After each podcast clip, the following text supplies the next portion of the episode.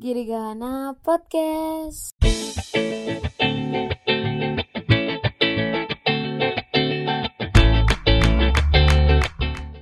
Halo Brur, Girigana. Girigana. Apa kabar nih para pendengar setia Girigana Podcast? Kenalin, nama gue Sabrina, gue biasa dipanggil Sobri. Nah, eh, buat para pendengar setia podcast Girigana, gue mau ngingetin nih, jangan lupa untuk selalu mematuhi 3M, pakai masker, menjaga jarak, dan mencuci tangan. Nah, untuk podcast kali ini gue nggak sendirian nih, gue bareng sama saudari gue yaitu Halo Bur, nama gue Larasati Amina Putri, biasa dipanggil Ayas. Nah, gue udah semangat banget nih ngisi podcast kali ini. By the way, kalian juga bisa dengerin podcast Girigahana di Spotify, Anchor, dan juga di YouTube Girigahana.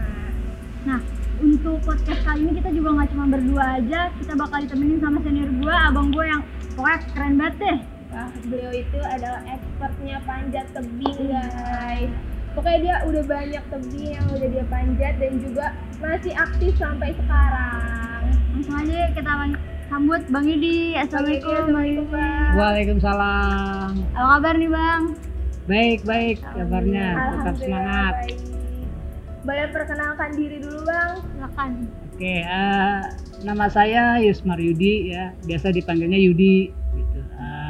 Saya masuk Girigahana tahun 1983. Nah, dari situ eh, saya banyak belajar eh, tentang kegiatan di alam bebas di Girigahana.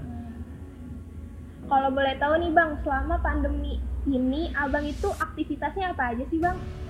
Eh, selama pandemi ini ya eh, tetap saya melakukan aktivitas tapi di luar ruangan ya, terutama kayak di tebing di gua gitu yang notabene kita tetap menjaga eh, tadi eh, Protokol kesehatan. protokol kesehatan kita tetap menjaga seperti itu Hmm, wah, udah ngedengar nih perkenalan dari bang Yudi.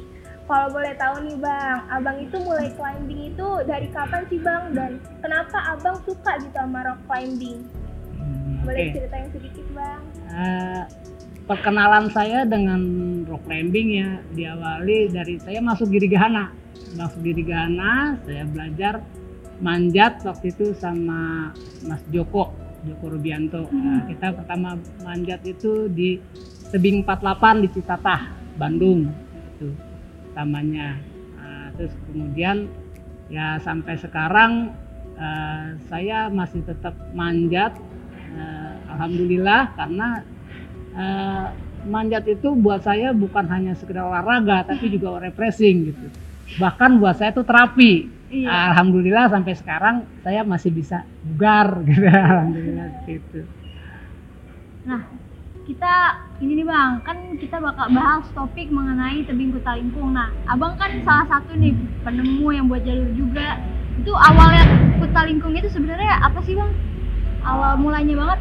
Ya, eh, Kota Lingkung eh, kalau boleh saya katakan ya Kota Lingkung itu berada di eh, Desa Nambu, eh, Kecamatannya Kelapa Nunggal, Kabupaten Bogor. Nah, di sana eh, saya pertama kali eh, mengetahui Kota Lingkung diajak sama teman-teman yang namanya Gembala. Gembala itu Gema Belantara ada eh, kelompok cinta alam yang suka uh, beraktivitas di daerah Kelapa Nunggal.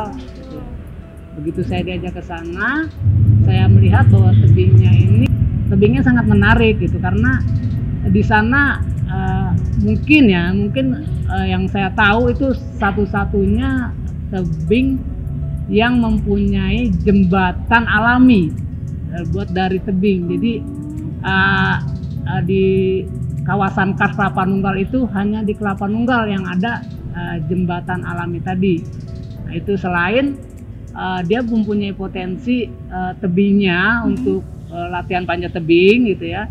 Sama ada gua-guanya juga di sana banyak gua-guanya yang uh, banyak menyimpan kandungan air di sananya gitu. Jadi uh, sumber air masyarakat di sekitar Mambo itu banyak ada di sana gitu. Uh, itulah makanya uh, terus uh, kemudian saya berusaha untuk uh, tetap melestarikan dengan cara membuatkan jalur untuk latihan manjat gitu di sana. Juga memperkenalkan sama teman-teman gua-guanya yang di sana sama penggiat-penggiat caving ya.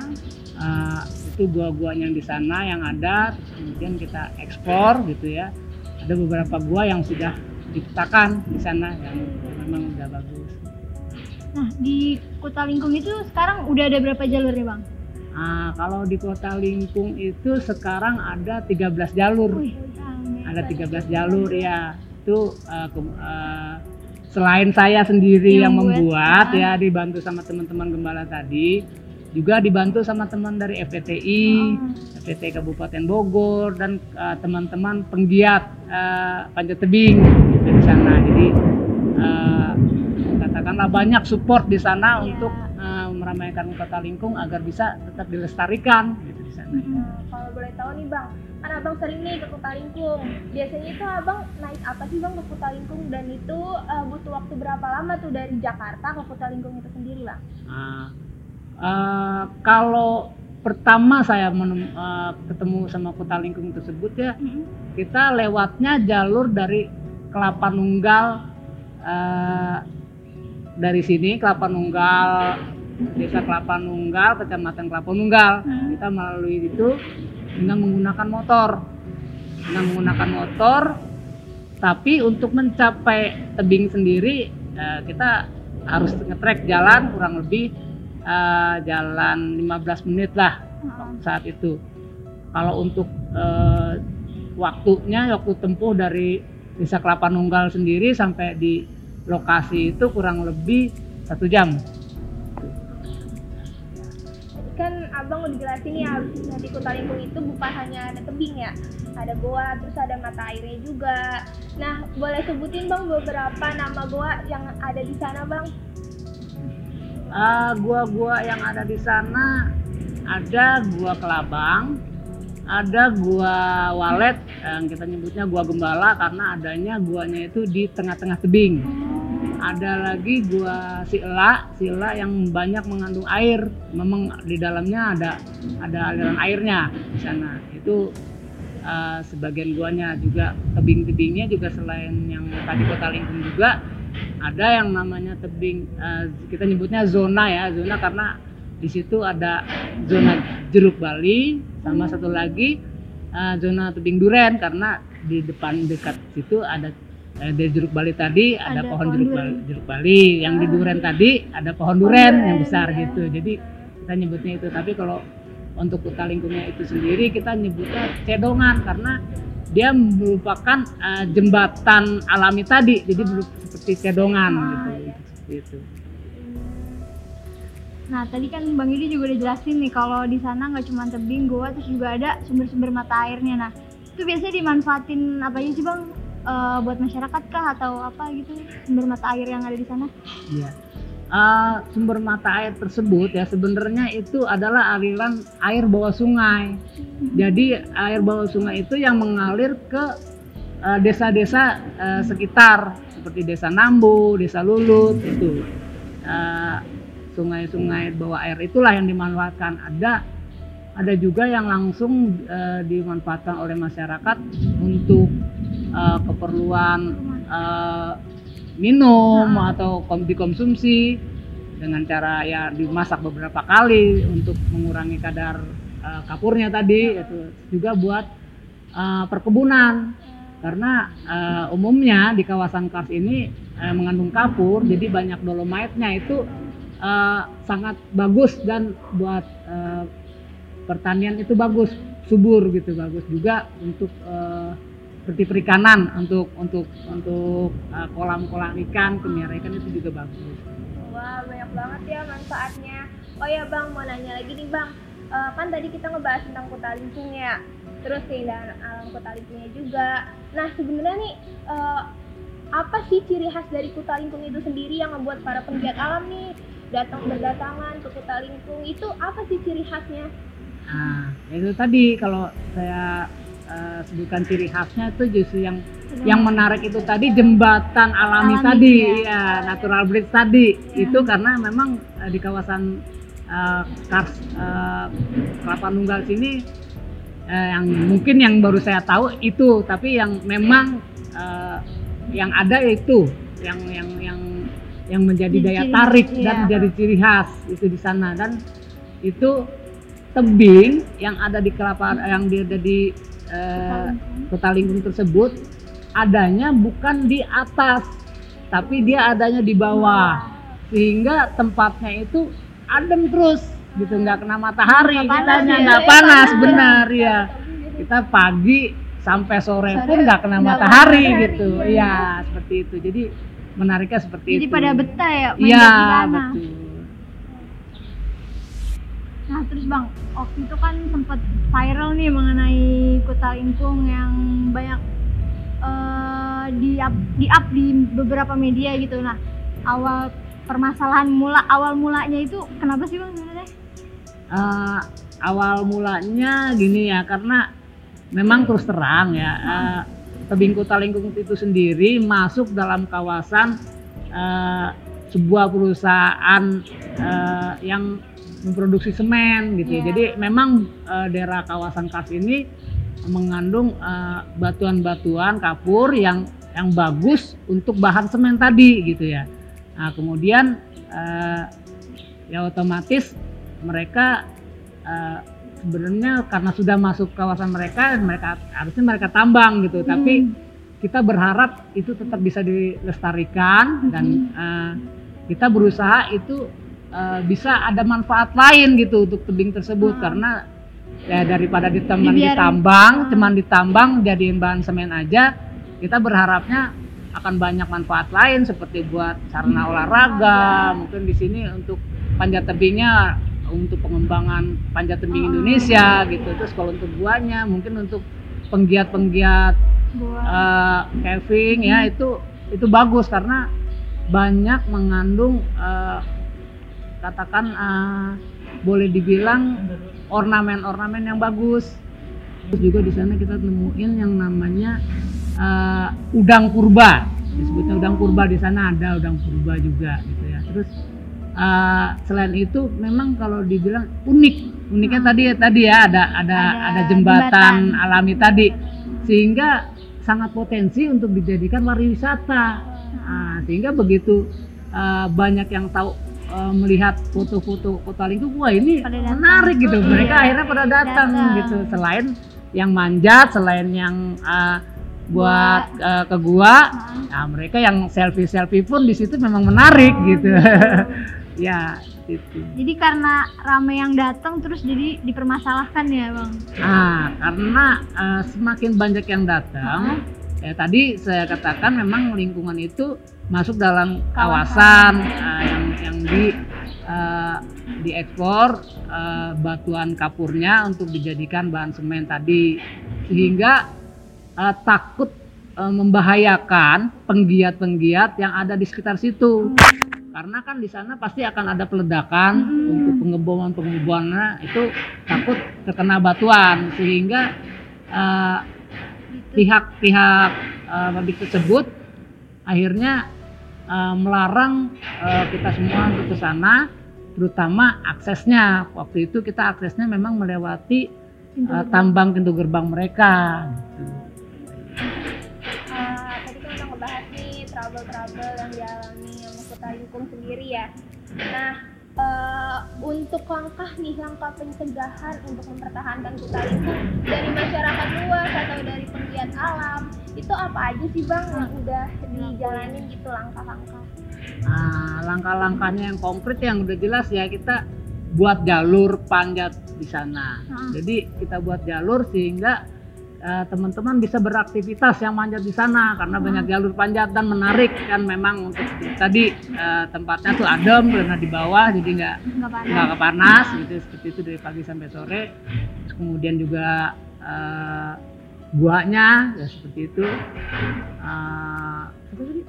Ya untuk mem- apa untuk mempertahankan kota Oke, lingkung itu ya. sendiri bang? Eh, Dari yang trouble untuk- yang tadi.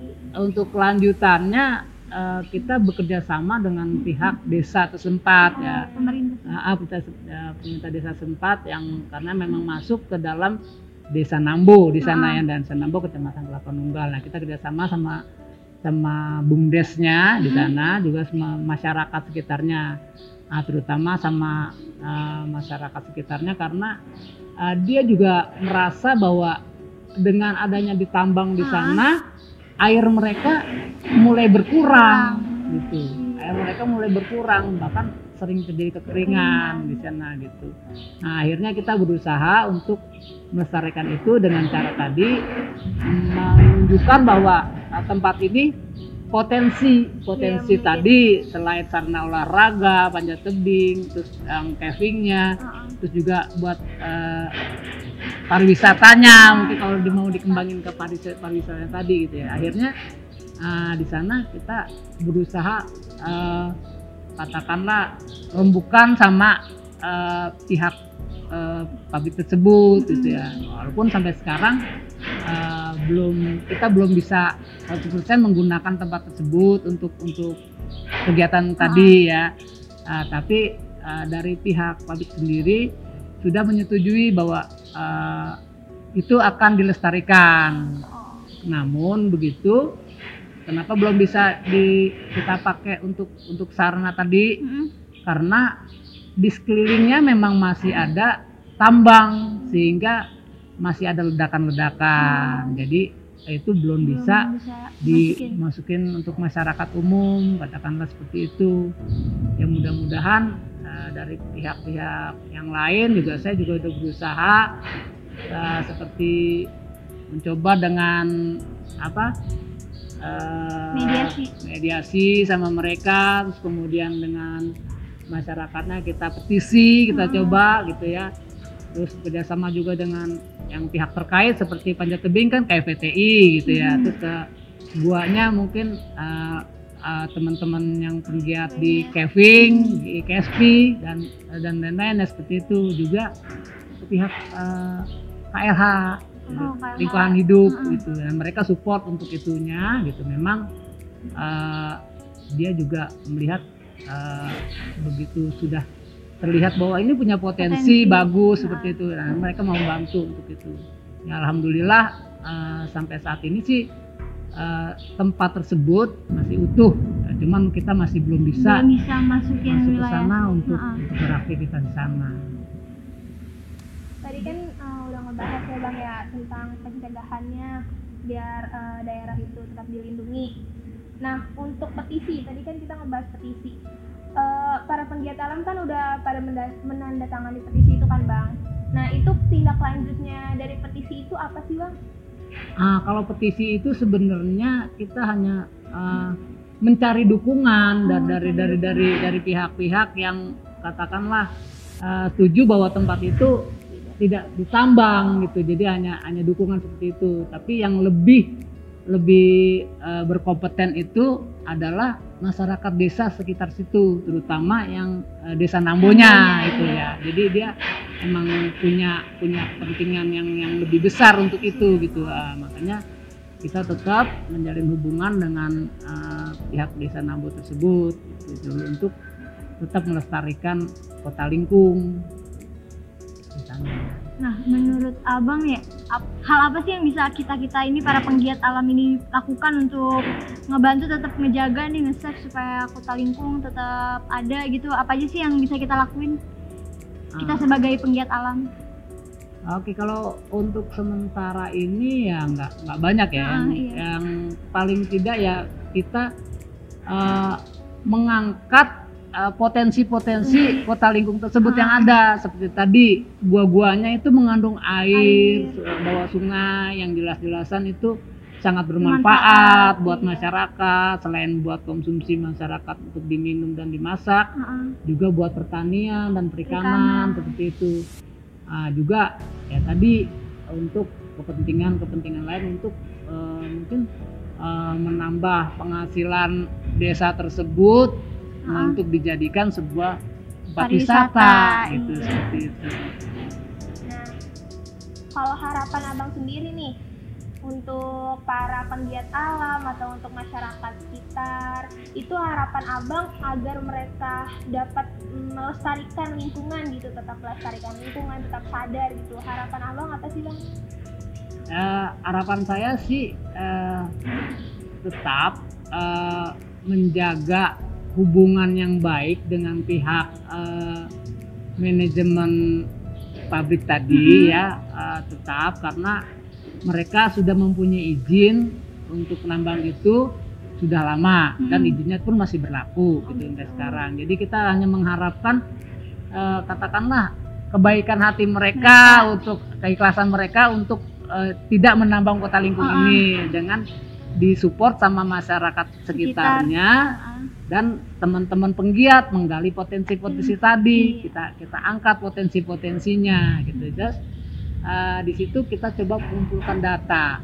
Data-data itu makanya untuk kayak gua-guanya kita coba kita petakan guanya terus tebingnya juga kita sudah eh, jalur-jalurnya kita juga petain juga jalurnya gitu untuk untuk jalur-jalur panjatnya gitu potensi-potensinya seperti itu gitu jadi harapannya sih eh, dengan kita mengangkat eh, potensi yang lebih eh, dari tempat tersebut ya Mhm. daripada sekedar batunya ditambang untuk Ditambang. jadi bahan semen gitu ya nah itu bisa lebih banyak bermanfaat buat orang banyak dan buat masyarakat gitu itu kan tadi udah harapannya udah banyak nih dari Bang Yudi. Nah, saran nih bagi para penggiat alam atau masyarakat yang datang ke sana, saran Abang tuh gimana supaya mereka tetap melestarikan?